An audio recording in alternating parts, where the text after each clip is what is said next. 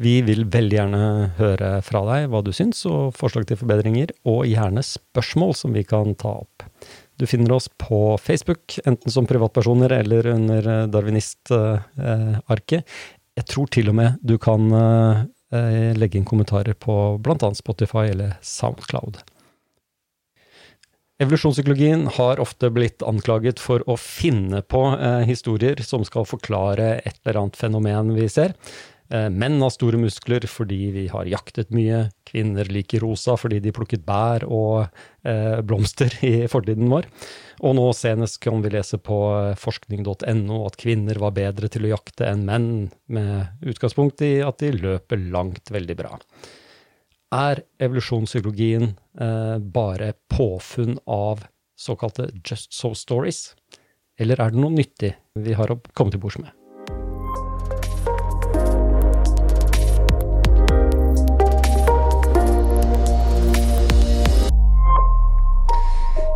Ja, Kyrre. Eh, jo, før vi begynner, vi må jo bare ta introdusere oss. Eh, velkommen til en ny episode av eh, Vold, sex og gener.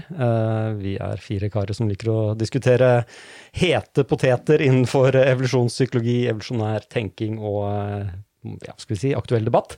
jeg heter Jens Andreas Huseby og er evolusjonsutdannet. vi begynte å rote litt med det tidligere. Jeg er kansient, da, i hvert fall i atferdsbiologi. og med meg så har jeg Håvard Egdal, arkeolog. Trond Martin Austad, atferdsbiolog. Kyrre Vatne, også evolusjonsutdannet. Ja, og du presiserte nøye din tittel forrige episode. da kan interesserte lyttere gå tilbake og, og, høre der hvis de vil. Ikke sant. Eh, dette med Just So Stories er en gammel eh, anklage eh, av all, egentlig all tenkning rundt mennesker og, og evolusjon. Hvor kommer det egentlig fra, Kyrre?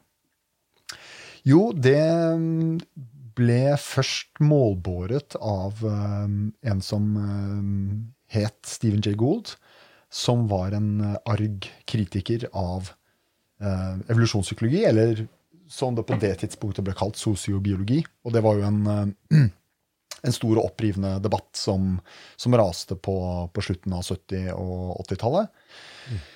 Um, og uh, han hentet jo dette bildet Just So Stories fra Rudyard Kipling, han som skrev Jungelboken, uh, og som også skrev en bok som da heter uh, Just So Stories, eller som vi fant ut her, Slik gikk det til, heter den på norsk. Ja. Men um, bare selve begrepet Just So Stories er litt sånn Jeg syns ikke det er lett å oversette til norsk. Nei, så, så den boken til Kipling handler jo f.eks. om hvorfor har leoparden flekker? Og så har da Kipling jeg har ikke lest den selv, ja, men så har han da diktet opp en morsom historie på hvorfor den fikk prikker. Ja. Kanskje, den var, uh, kanskje den var, ble skremt av et uh, dyr som hadde sånn og sånn. Ikke sant? Ikke sant? Noe sånt som det. Så, det, så. det, er en slags fabler, da. Jeg, jeg hørte faktisk på en av dem i dag, om hvorfor hvalen uh, fikk sin hals. Og den handler jo om en fisk som lurte han til å spise en sjømann. og sjømannen var så irriterende å ha i, munnen, i magen at han spytta den ut, og etter hvert så fikk han en hals. Da. Så det er en slags forklaring på et det høres ut som det er som barnehistorier da, om hvorfor dyrene ser ut sånn som de gjør. Ikke sant. Og, og man kan jo og, og, og, dette var jo eh, Goulds poeng var jo da at eh, når man prøver å forske på menneskeatferd i et eh, evolusjonært perspektiv, så, det, så går man jo ofte fram litt på den måten at man observerer noe, noe interessant, noe litt rart. Og så prøver man å, uh, å finne en eller annen forklaring uh, i fortidsmiljøet som kan passe med det. Mm. Og, og, så, og, og så uh, og La oss si det man ser at kvinner og menn har forskjellige kropper. Og, vi, har ikke, vi, har jo ikke, noe skriftlig kilde fra den tiden, så vi vet ikke, vi vet ikke hvorfor det egentlig er sånn. Mm. Og, så, og, så, kommer man da opp med en forklaring, eh, som f.eks. kan være at menn har eh, mer muskler fordi de la oss si, drev mer med jakt. Mm. Eh, og så, så, er jo da anklagen fra Gould at, at, man på en måte ofte nøyer seg litt med det. da. Um, at man at man, fordi det er liksom intellektuelt tilfredsstillende, eh, så er man fristet til å stoppe litt opp der. da. Mm. Man, man går ikke de skrittene videre og tester ut dette her som en skikkelig vitenskapelig hypotese. Eh, og, og på veien så, så forenkler man da veldig hvordan, hvordan liksom både fortidsmiljøet vårt har vært, og, og kanskje også den mm, variabiliteten som finnes i menneskesamfunn uh, fortsatt i, en dag i dag. Da. Ja. Og en annen ting er vel at man, det er ganske lett å komme på den. Du kan bare si noe. liksom, det, er, det er lett å bare lage seg Ok, det var sabeltanntigre der ute i bushen, og dermed så er du redd om kvelden, eller et eller annet sånt. Du kan bare finne på en, en historie, da. Så ja. Ja. Og, og dette er jo og, og det Kipling altså det, Ved å referere til Kipling, så, så mener jo Gould også han Dette er jo han, eh, han bruker jo dette ytterst nedsettende. Da, for at Han sier jo på en måte at, at disse historiene blir en slags moderne mytologi. At det blir en slags moderne eventyr. ikke sant? Sånn der, Hvordan ble reven hvit på halen, og hvordan mistet bjørnen halen sin. Det er jo akkurat dette her han er ja, han, prøver, han prøver å uttrykke ved å, ved å kalle det Just So Stories.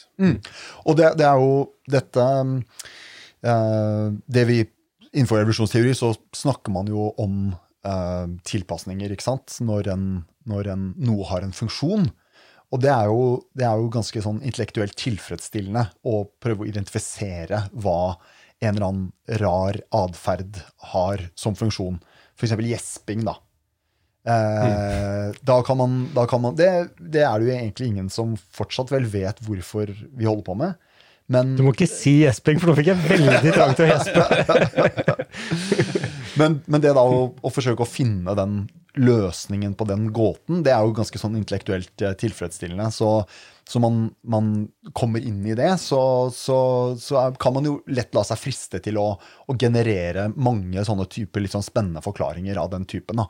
Jeg husker eh, jeg, husker jeg, jeg, eh, jeg var på en gang på en var med på å seile fra Skottland til Norge en gang. Og så diskuterte jeg med en kompis der hva, hvorfor man blir sjøsyk. Mm. Eh, for det blir man jo, og det ble jo jeg. Jeg, jeg spydde kontinuerlig i tre dager. Eh, men jeg eh, Og da konstruerte jeg jo den forklaringen at antagelig tror kroppen at jeg har spist noe giftig som har gått utover balansesystemet mitt.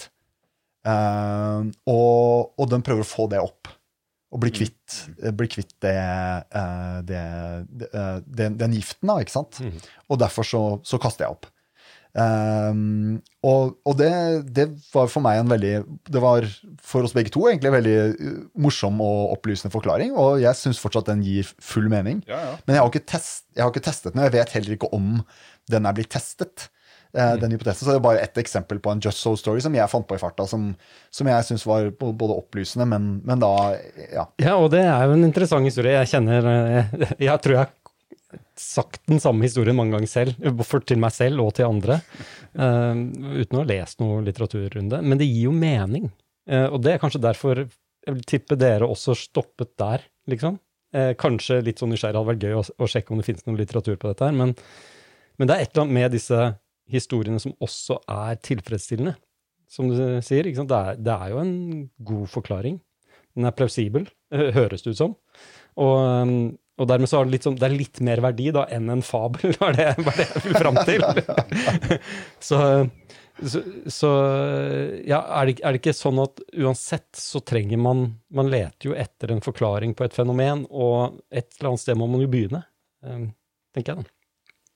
Ja, sant? Og det, det, det henger jo åpenbart eh, eh, sammen med, med nysgjerrighet, eh, det der. Eh, så eh, Og, og der, der kan man jo Og et, eh, et interessant spørsmål da er jo på en måte om er, er sånne Just So-stories noe spesielt for evolusjonspsykologi, eller, eller er det, det, gjelder det litt generelt i vitenskapen? Ikke sant? Jeg tenker sånn, før, vi går inn på det, så det er jo et fenomen. Altså den kritikken av eh, evolusjonspsykologi, evolusjonære forklaringer. Jeg ser også den. Jeg ser også at eh, leger, spesielt av en eller annen grunn, leger finner på veldig mye rare forklaringer som høres ut som om de har en eh, evolusjonær forankring, men som jeg ikke alt, altså veldig sjelden faktisk, er, eh, mener at har noe hold i en dypere evolusjonær forklaring. Det er en slags sånn pop-evolusjonspsykologi. Ja, det er noe, og, det, og, og, for de som, ikke sant? og for de som sitter litt på avstand, så er jo det veldig mye av det man ser. Så Sånn sett vil jeg jo gi rett til eh, noen av kritikerne her, da, at eh, ja, mye av diskusjonen, i hvert fall i overflaten, ser ut til å være ja, noen finner bare på en forklaring. Da. Ja, for det, det, det Gold sa, da, det, i den originale kritikken hvor han lanserte uh, begrepet, det var at uh, uh, Og dette er som ble da en eviggående og ekstremt destruktiv og poengløs virak som gikk i forskningen i, i et par tiår etterpå. Og var, han mente at det var ikke Man trengte ikke å se på ting som adopsjoner i det hele tatt. Mm. Hvis man tok et eller annet menneskelig, menneskelig, trekk ut av sammenhengen og så prøvde å forklare det, så tenkte man ikke nødvendigvis Så tok man da, når man kom opp med en såkalt Just So Story, så forutsatte man jo at det var en hensikt med dette trekket. Men mm. han mente at det var ikke nødvendigvis en hensikt med dette trekket, at det var kompliserte interaksjoner mellom, eh, mellom, gener som gjorde at trekk kunne oppstå bare pga. at andre trekk hadde funksjoner, får man tro. Uh, så han trakk da fram Han lagde seg et bilde på dette, som han kalte det en spandrel. Som er veldig et relativt obskurt begrep. Jeg vet ikke det er, om det har noe norsk navn i det hele tatt. Uh, men det er et arkitektonisk begrep. Det er et arkitektonisk begrep. Det er Spandrels av San, Mar San Marco. Mm. Uh, basert på en, uh, på en, kirke hvor du har en stor kuppel som er, uh, er midt, over, midt over tverrskipet. Så at kuppelen er båret av fire søyler, og det er buer mellom søylene. Og Dermed så oppstår det da i, i området mellom søylene og kuppelen så oppstår det fire, fire en sånn relativt trekantede felt da, der hvor buene går opp til kuppelen. Mm. Og det er, er spandrels. Mm. Og de er ikke til noen ting. Nei. De bare er der sånn fordi buene må være der, og kuppelen må være der. Mm.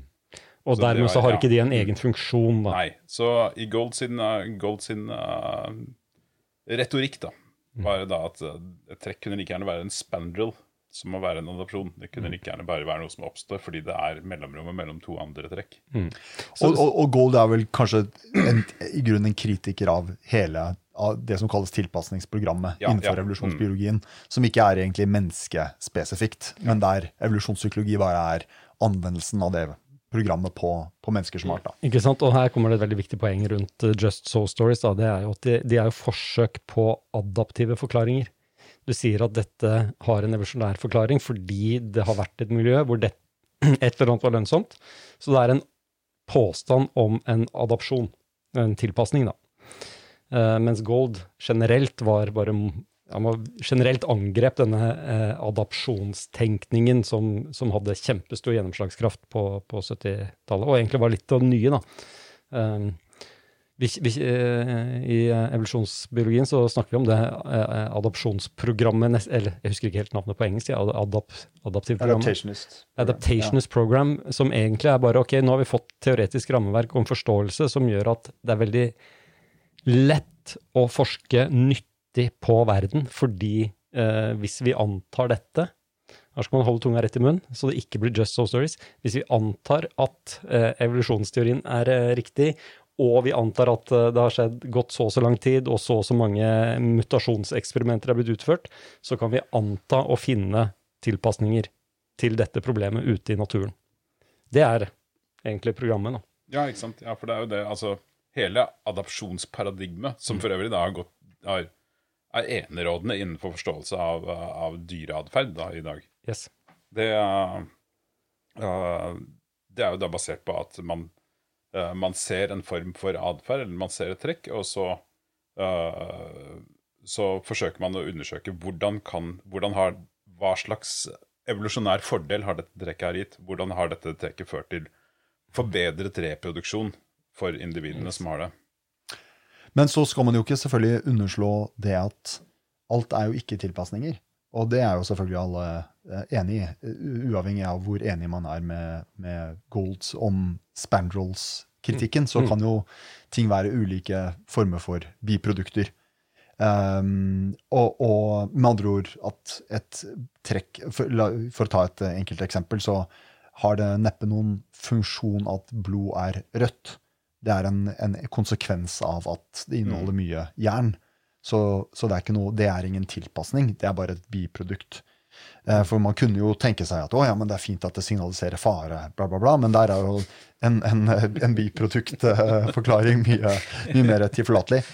Men vi hadde jo en, et, et, um, et eksempel som illustrerer dette litt. eh, Og, og det, jeg syns det også illustrerer litt en, en fare ved tilpasningsprogrammet og evolusjonspsykologi generelt. Da. Og det er det at uh, biproduktforklaringer er jo så kjedelige. Mm. Eh, og tilpasningsforklaringer er jo så kule. Uh, og derfor så er man, er man konstant fristet til å foretrekke eh, tilpasningsforklaringer. Altså at noe har en, et poeng, da. Og og en, en sak som illustrerer det litt, er, er dette med eh, hvilken funksjon kvinners orgasme har. Som vi har snakket Ja, der har, eh, jeg- der har du og jeg litt ulik oppfatning, Kyrre. vi har litt ulike oppfatninger, og, eh, og, og det er jo et lite mysterium, fordi i motsetning til da for menns del, så er, er ikke, har ikke kvinners orgasme noen åpenbar eh, direkte reproduktiv eh, funksjon, da. ikke sant? Fordi Mener du? Nei, men, men vi, er, vi er begge enige i at, eh, at eh, det er ikke noen på samme måte som CD-utløsning har en veldig veldig direkte Det er ikke noe korrelert eh, funksjon hos kvinner. Enig. Um, så, så da, da er det et slags mysterium. Og da kan man si eh, og, og eh, nota bene, det er ikke et mysterium at kvinner liker sex. Det er ikke noe mysterium. Det er mer at den spesifikke fysiologiske responsen som en orgasme er. Og da kan man se for seg på en måte to forklaringer på det. Det ene er at dette er en tilpasning, at det har vært selektert på eh, orgasmerefleksen hos kvinner. Eh, eller at den, på samme måte som at menn har brystvorter, selv om ikke de har noen funksjon hos menn, så har kvinner en, en, eh, en orgasmefunksjon som eh, er et, et biprodukt av at de, de deler kroppen med menn, kan man si. Da. Ja. Bare for å utdype den brystvorteanalogien, for den er veldig god. Eh, den, si, den, er, altså den sier jo at mens, eh, mens brystvorter har ingen funksjon i seg selv, men det gir heller ingen ulemper. Dermed så blir den ikke valgt bort, eh, fordi den inngår i kroppsdannelsesgenene for kvinner, hvor den har en funksjon, og så har den da et utslag i form av brystvorter hos menn, som ikke gir noen eh, ufordeler, og dermed så bare er det der fortsatt. Så, så evolusjonen på en måte favoriserer hos kvinner, og fordi det ikke har noen negative konsekvenser for menn, så får menn det også. Det er, og det er kanskje tanken da rundt eh, denne biproduktshypotesen rundt kvinners orgasme også. Det er en kjempefordel for menn. Kropper eh, bygges med uh, mer eller mindre de samme genene hos uh, menn og kvinner. Det er ikke noen grunn til at den ikke er borte hos, hos kvinner. da. Eh, Ikke sant. Og, um, så, men, men denne, denne ehm, tematikken den uh, omtales i en bok som, uh, som heter The Case of the Female Orgasm, Mm.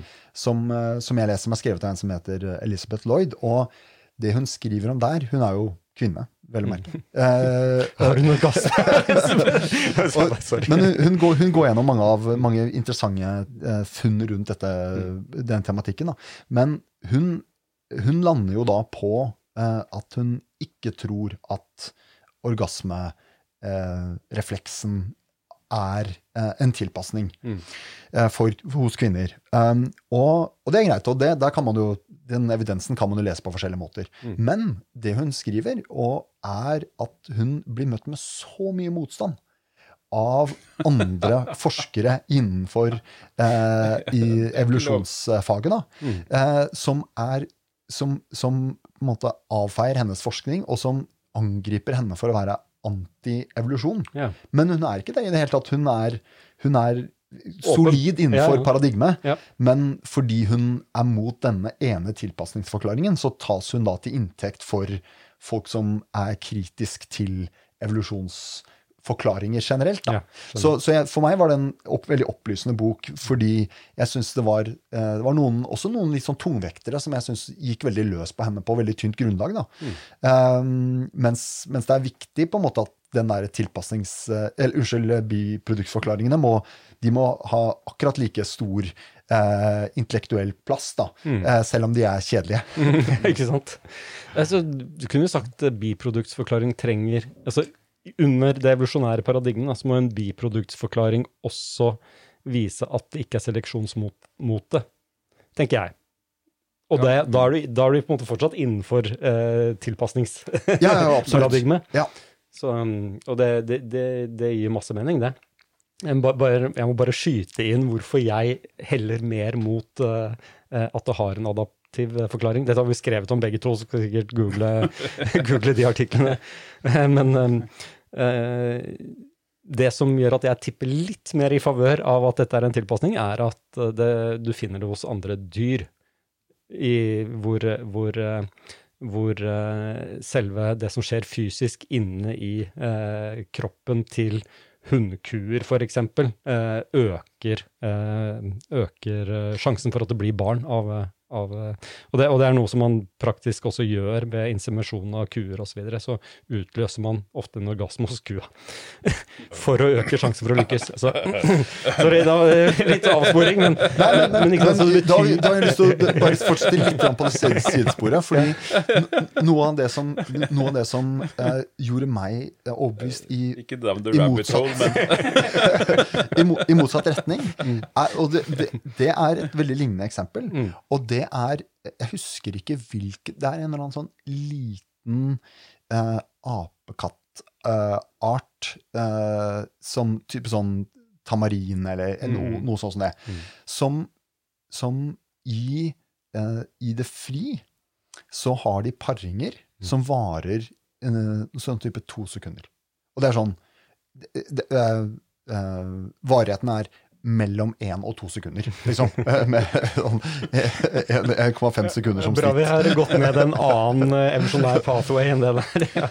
Men så har du jo da et, så var det noen forskere som satte seg for å finne ut om Ok, så disse hundene Og, og du observerer Man observerer da aldri at eh, disse hundene har orgasme eh, i det fri, da. Men det er klart det er jo en del ting man ikke har observert. Men, men så var det da noen som eh, satte seg for å finne ut om de har den orgasmerefleksen, og som da rigget seg til med noen sånne apparater hvor de eh, stimulerte da noen eh, sånne så aper ja. i fangenskap Ja. i, i type sånn ett minutt, to minutter.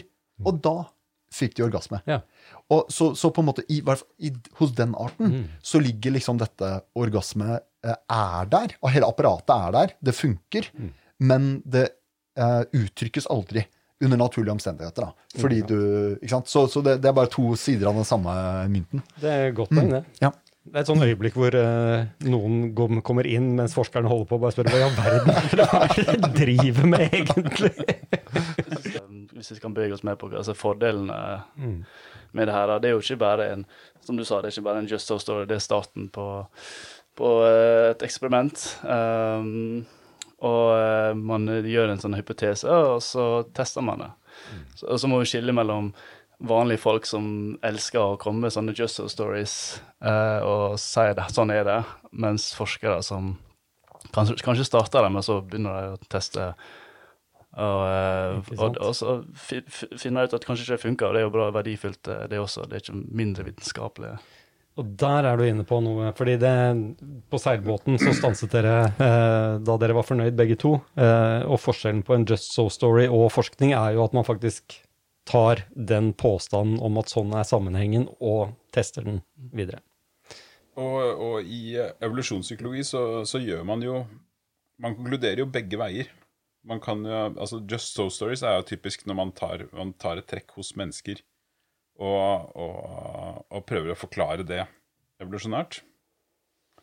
Og det kan gjøres uh, useriøst eller uh, seriøst.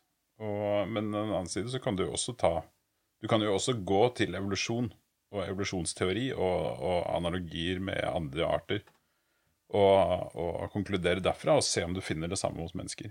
Gi et eksempel på den vei, den, det siste der, da. Uh, ja, f.eks. innenfor drapsforskning.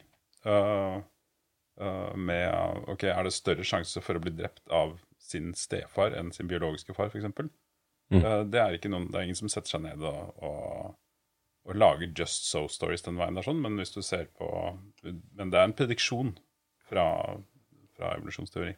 Ikke sant. Og da er vi inne på noe som er ganske sentralt da, i evolusjonspsykologien, og så sentralt at uh, det står i en artikkel som heter uh, The Primer, Evolutionary Psychology Primer, eller noe sånt noe, av uh, to av to av grunnleggerne av moderne evolusjonspsykologi, hvor de beskriver akkurat dette her, da. At du har evolusjonspsykologi er et studie som er muliggjort av at man har masse solid forskning på A, forståelsen av evolusjon, og B, eh, testing av de hypotesene på dyr i, i, enormt omfang.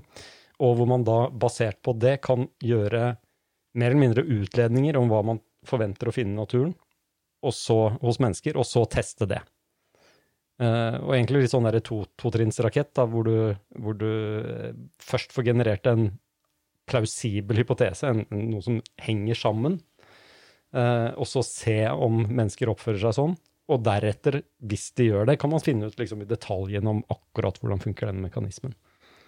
Og hvis man da gjør resten av det, og ikke bare stopper ved å si at ok, det var en bra nok forklaring, så er det vitenskap. Ja, ikke sant. Ja, og, og det, ikke, det, handler jo egentlig ikke om at man Så kan du si nei, men du har ikke bevist noen ting. Men, uh, men egentlig, man beviser jo man beviser jo aldri noen ting, egentlig. Mm. Uh, det er jo bare et spørsmål om å finne god nok, god nok evidens som stemmer med det. Det kan alltids være at det dukker opp en senere forklaring som er bedre enn den, men for da Så spørsmålet er jo egentlig ikke om du kan bevise det, spørsmålet er om du kan falsifisere det. Og det er det som gjør det til en vitenskapelig hypotese, og det kan man jo. Ikke sant. Og det er også den min kritikk av disse legene som bare finner på ting, ja. er jo den De er ikke forankret i evolusjons Eh, ordentlig. De har, ikke, de har ikke lest nok eh, til å se om det de påstår, henger sammen med det vi vet for øvrig. Mm. Uh, har du noen eksempler på ting som har kommet opp? Ja, det er altså, Et av de første eksemplene jeg kommer på som jeg reagerte på selv i, i avisen, var uh, han uh, Ole Fyran. Jeg skal ikke si noe stygt om han, for jeg har hatt glede av medisinske verket. Hud, hud, hudlegen. Han, han, kommenterte en eller annen gang i avisen at mennesker i framtiden kommer til å ha store øyne, store rumper og lange fingre. og og, og firkanta øyne, ja, for, fordi de kommer til å jobbe med datamaskiner, som, som er en lamarkistisk uh, tanke, som i samme avis forresten, så sto det om en trailersjåfør som hadde 40 eh, barn langs grensen opp mot Sverige. Han hadde kjørt opp og ned langs ruta, og barn i hver havn. og jeg hadde lyst til å skrive en sak om Nei, Ole Fyran, du har ikke forstått det. I framtiden så kommer alle til å kjøre trailer opp og ned langs svenskegrensa. De har også sikkert flat rumpe. ja, sikkert flat rumpe. Hvis det gir en fordel i antall barn du får. Ja, sant. Ja. Men, eh, men, det er noe nyttig her, da, fordi eh, som du sier, den, det, det eh, man sier i den primeren, er at A, du treffer eh, Evolusjonsteori kan hjelpe deg med å komme opp med hypoteser som er plausible og mer sannsynlig sanne. Og de kommer også opp med eh, en måte å teste det på. Og dermed så er det vitenskapelig. Tenker jeg, da. Det er i hvert fall, og, og den historien eh, din, Kyrre, om mat- eller spyrefleksen, den gir mening. Det er ikke noe i det eh, teoretiske rammeverket som gjør at jeg mer eller mindre kan si ja, men du må det, det stemmer ikke med hvordan seleksjon funker, liksom. Det kan stemme, og så er det relativt lett å finne ut eh, et eksperiment man kunne mm. gjort det for å teste, teste dette.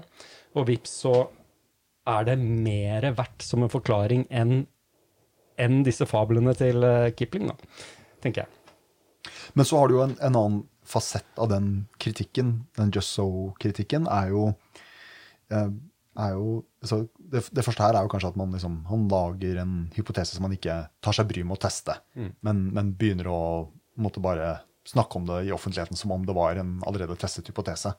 Men et, et annet aspekt er jo om Og det, det var vel også Gold litt inne på, men at Og dette har jo blitt reformulert av andre opp igjennom, da.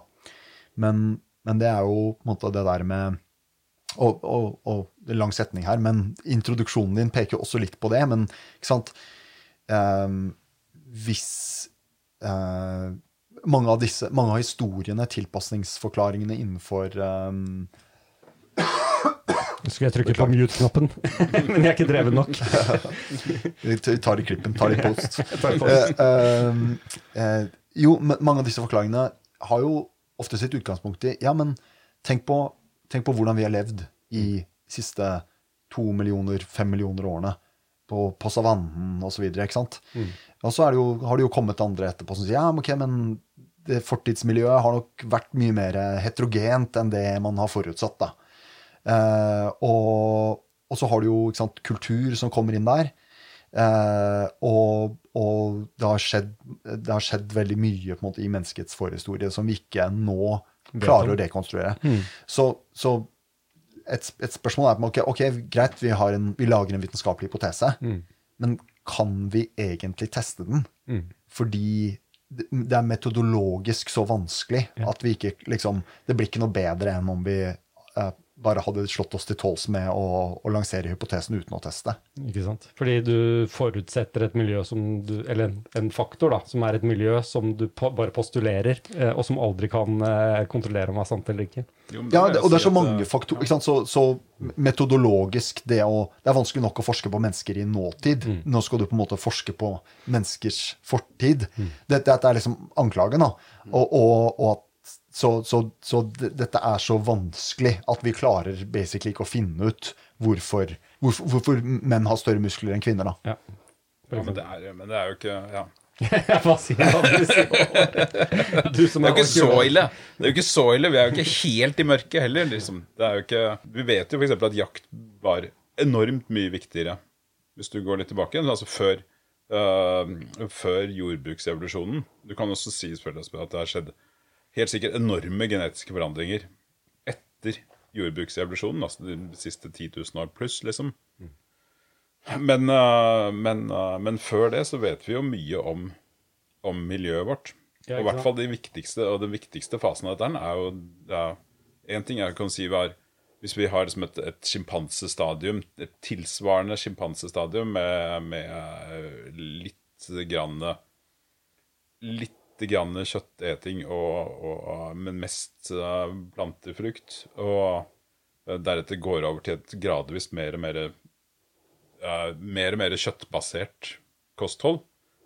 Og, og det er jo i den i fasen etter at vi går over til mer og mer kjøtt, at de unike adopsjonene som gjør oss til mennesker, har oppstått. Det er det jo ikke noe spørsmål om. Så vi er ikke helt i blinde, ikke sant? Ja, nei, det er akkurat det. Ja, og, og bare for å skyte inn også, før, eh, Tor Martin, det er, det, er, det er ikke helt i blinde evolusjonært heller, fordi det er jo noen drivkrefter der som faktisk, faktisk må ha vært sanne også i den perioden der, som handler om eh, egentlig fitness, da. Ikke sant? Det er jo noen grunnleggende regler som eh, liksom jernlover fra evolusjonstenkningen, som, Som ikke egentlig endrer seg så mye. som ikke endrer seg så mye, som alltid er ganske konstante. At det handler om x antall Hvor, mange, hvor mye output har du i, i livet ditt, f.eks. Ja, nei, jeg ville dra en sammenligning med, med og liksom, det med, vi, vi vet ikke hvordan menneskene var før og psykologien, men det samme evolusjonsteorien i seg sjøl. Det er vanskelig å gå tilbake og vite om det har vært en utvikling og sånn. Og, det- og, og det er der vi liksom drar ulike funn eh, fra ulike met og metoder for, og, og sånn, sa- samler dem sammen og ser at det blir et- dannet et nettverk der alle peker på det samme, samme tingene. Og når det blir evolusjonsserien, så, så kan vi dra liksom, genetikken, eh, fossil, fysiologi, vi kan sammenligne med andre dyr. Det er geobiologisk, hvordan dyrene spredte seg utover verden. Det, det er mange mange eh, måter å komme fram Eller å, å, finne ut at oi, det her peker på ett og samme svar. Og det fungerer veldig godt i eh, den evolusjonspsykologien også. Vi har et godt utgangspunkt, en solid teori, og så kan vi begynne å predikere ting, og så teste hypoteser. Og, og så ser vi at oi, det danner seg et bilde at mange hypoteser som stemmer, som peker på det samme. Det er da det begynner å bygges opp mer enn uh, just so stories, antakelser. Og det er et eller annet med Det er mange poenger å gjøre her, men det er et eller annet med de løse historiene eh, kontra dette er, best, 'dette er det beste vi vet', PT. Og, og vitenskap er jo, er jo sånn at du, liksom, du har rådende hypotese, er den som er liksom, ikke, ennå ikke er motbevist. Uh, og selv om man kan ha et eller annet sted må du begynne med litt sånn tynt grunnlag. Det, det starter med en påstand om verden, den er testbar. Man, ok, den overlever én test. Overlever to tester, tre tester, fire tester, tusen tester. Som uh, som og Her vil jeg si at den kritikken av evolusjonspsykologien har vært så massiv så lenge at mye av den forskningen som faktisk er gjort, er mye mer solid enn de her andre, eh, andre eller alternative hypoteser. da. Man har jo alltid starta med krysskulturelle altså Det er alltid krysskulturelle studier, det er alltid forsøk på å sammenligne med jeger-sankersamfunn osv. Og, Og andre dyr. og andre dyr, ikke minst. Men, men la meg nyansere det bitte Ja. litt, da. Fordi jeg er jo enig i at uh, man, man har vært ganske flink til å gjøre krysskulturelle studier innenfor revolusjonspsykologi fordi eh, man har, er jo hele tiden oppmerksom på denne kulturelle, komponent, altså den kulturelle komponenten. Og hvis dette viser seg å være bare noe vi gjør i Vesten, så er det ikke gangbart som en evolusjonær hypotese. da. Nei. Men samtidig så er det jo ganske mye forskning som bare produseres i psykologilabber i, eh, eh, i eh, USA, da, på universiteter, hvor alle eller forsøkspersoner fortsatt er liksom undergraduates. Ja. Det er jo ganske mye av den typen forskning fortsatt. Så, men, men så er det klart, de, de viktigste funnene blir jo forsøkt eh, replikert. Eh, også i krysskulturelle kontekster. Ja. Og det men det handler jo også om liksom bare praktikaliteten av å bedrive forskning, så lenge alle er innforstått med at ok, dette her er, eh, dette er en hypotese, vi må teste den, her er én test, ok, er ikke, vi er ikke ferdig.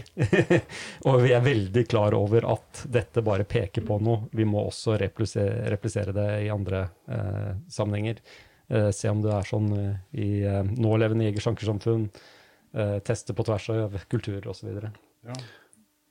Ja, eh, nei, eh, eh, hva var det jeg skulle si? Jeg er nå glatt der. Men du hadde et veldig bra poeng, eh, fordi dette her er jo En ting er å påpeke at, eller finne ut at, eller om mennesker oppfører seg sånn på tvers av kulturer, eh, blant annet, og, og, og blant andre dyr. Mm. tenker jeg, Det er i hvert fall vi som ikke bare har tatt mennesker, men sett andre dyr også. Så en, en måte jeg har diskutert dette på, er liksom Hvis du vil ha en forklaring som ikke stemmer med den vi har funnet at det gjelder hos dyr, så er det det samme som å si at ja, jorda går også rundt eh, sola, i likhet med de andre planetene, men av en eller annen grunn så skal jordas bane rundt sola forklares med noe annet enn det du forklarer alle de andre planetene med. Og det gir bare ikke mening, eh, Ja. sånn i utgangspunktet. Da. For når vi studerer dyrene, så ser vi masse av oss sjøl i det. sant? Og vi kontinuerlig kan liksom vi, vi, vi ser mer og mer at oi, shit, vi er faktisk bare et dyr som alle andre, og vi gjør masse av det samme, så vi kan liksom ikke si nei, nei, men her er det kulturen som ja. styrer. Men jeg ville, det jeg kom på poenget mitt, var at eh, med, med en sånn eh, Med en solid eh, eh, forståelse i evolusjonspsykologi, så kan vi eh, altså, argu, eh, Vi får jo ofte argument imot at uh, noe moderne verden er så annerledes. Uh, miljøet er helt annet enn det, vi, det var for mange hundre tusen år siden. Men vi kan jo det som er bra liksom, å vite at her er, liksom, her er vår psykologi, hvordan den er utvikla, og hvordan vi responderer. Og så kan vi se ok, ut ifra det miljøet vi lever i nå, det er aldri ut ifra miljøet vi lever i nå, så kan vi, og de genene vi har, og det psykologien vi har, så ser vi, da kan vi predikere hvordan vi vil oppføre oss. Og det er en fin måte å, å eh, eh, utvikle samfunnet, eller liksom vite hvilken vei, retning, som er lurest å gå. da. Eh, fordi Hvis vi har en grunnsolid forståelse i vår psykologi, hvordan vi er evaluert, så er det lettere å vite hvordan vi vil respondere til det miljøet vi skaper. Jeg syns et supereksempel på det er det Vibeke Ottesen snakker om i media nå, eh, med alle de drapene som skjer. Veldig tydelig på at uh, dette handler om menns uh, evolverte psykologi rundt eh, livskriser, og den, den forandrer vi ikke over natta. Eh, den er der, og vi må, skal vi gjøre noe med disse drapene, så, så må vi være obs på x eh, ting som handler om menn i livskrise. Og dette er livskrise for menn, det er samlivsbrudd, det er statustap osv. Som, som snakker, sier noe om menneskenaturen. Mm, Mm. Um, du nevnte dette Det er noe en, uh, Uh, en fyr som heter Gadzad Der sa jeg navnet hans.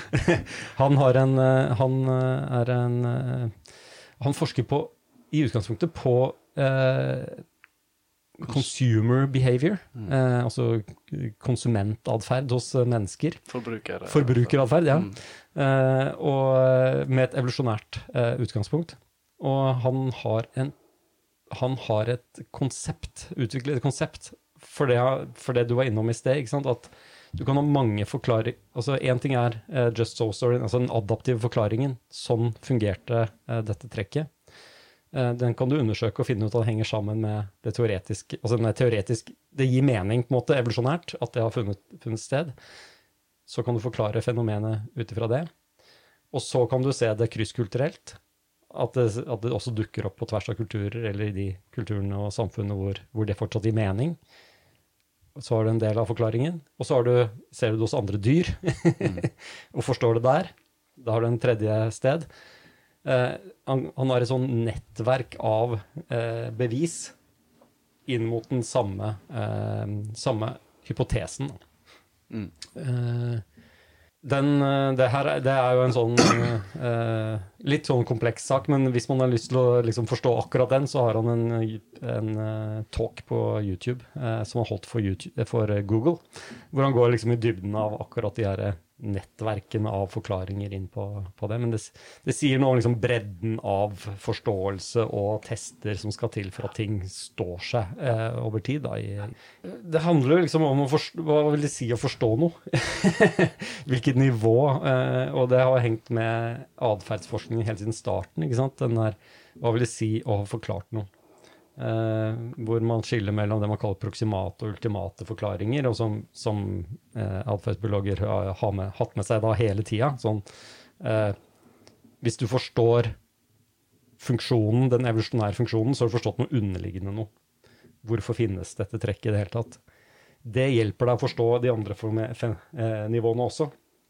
Og hvis jeg bare skal prøve å sette Just So Stories i, i sammenheng med noe sånt, nå, så er det jo det hjelper oss. Det er en, det er en prototyp, kanskje førsteutkast, av en sånn forklaring. da. Og så kan det vise seg ikke stemme eller stemme, men det kan du i hvert fall teste ganske enkelt.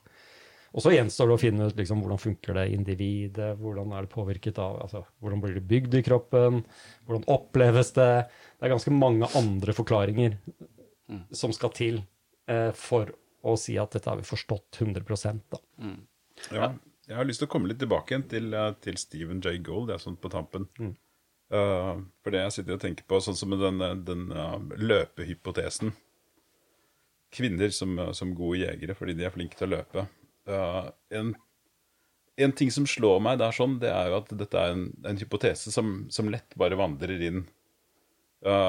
fordi den, er, den sier jo akkurat det som folk vil høre. Den er jo politisk korrekt. Den er jo, snakker jo opp damer. Mm. Og, og det syns jeg er litt ironisk, for det er jo akkurat det Akkurat når man liksom har en slags sånn politisk Litt politisk medvind på det man sier, det er jo da det er lett at en, en tøysete vitenskapelig hypotese blir forankra og, og, blir akseptert. Mens uh, Stephen J. Gold var jo i veldig stor grad liksom for, i, forvalteren av politisk korrekthet selv. Mm. Mm.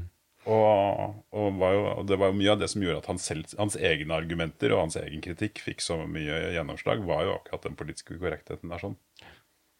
Kanskje den uh, løpe-jeger-påstanden uh, er en sånn sokal uh, inverted uh, sak? en, jeg må du forklare. det, det tok ikke jeg. En vitenskapelig bløff. Ja. Nei, bare for å ta referansen. Der Sokal publiserte da et, en artikkel i, i, Han er fysiker. Publiserte en artikkel i et var det sosiologisk tidsskrift, fremste sosiologiske tidsskriftet, om hvordan kvante kvantefysikk påvirker bevissthet, og dermed kan forklare veldig mye av de favoritteoriene til eh, sosiologene. Mm. Eh, og fikk jo forsiden og greier. Eh, som Hele artikkelen var jo bare bløff. Det var dårligere enn uh, ChatGPT, for å si det sånn. Og han gjorde det jo for å avsløre at dette her bare er det er bare vås. Ja, stemmer det. Det, mm, mm. det var på 80-tallet eller noe sånt? 80 det sånn, og jeg har fått en, et, en oppfølger i i Sokal 2, hvis man er interessert.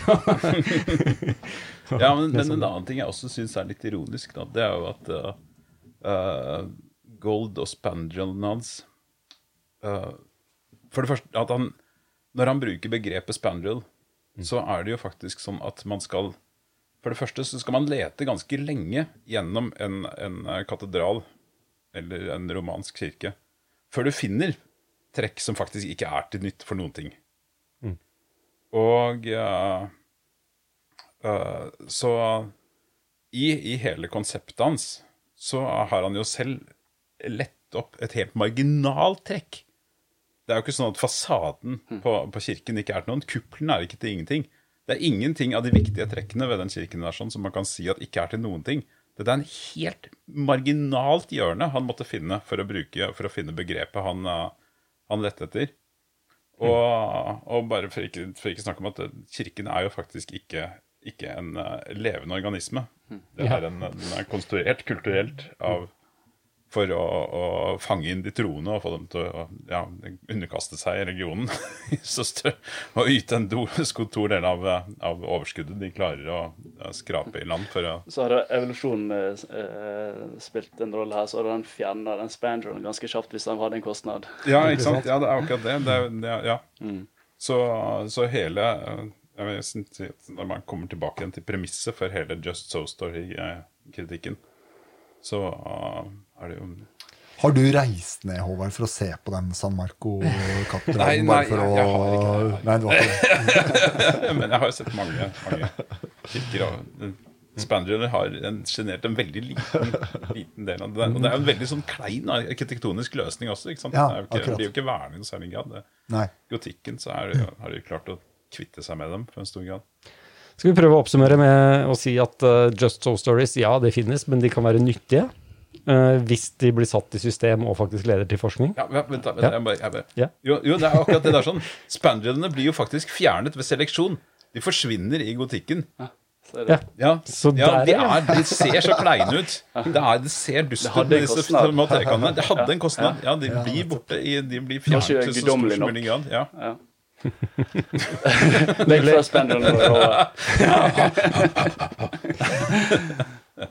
Da tenker jeg vi avslutter der, jeg. Ja. Og så tar vi, vi tar bare Rata-spalten helt på slutten her. Ja. ja. Såkall, den opprinnelige såkall-artikkelen var fra 96. 96, 96 ja. Mm, mm. Var det så seint? Ja. Jeg syns jo personlig at Såkall 2 eh, er mye mer interessant og mye mer aktuell i dag. Så hvis man ikke vet hva det er, så google, google i vei. Takk for oss.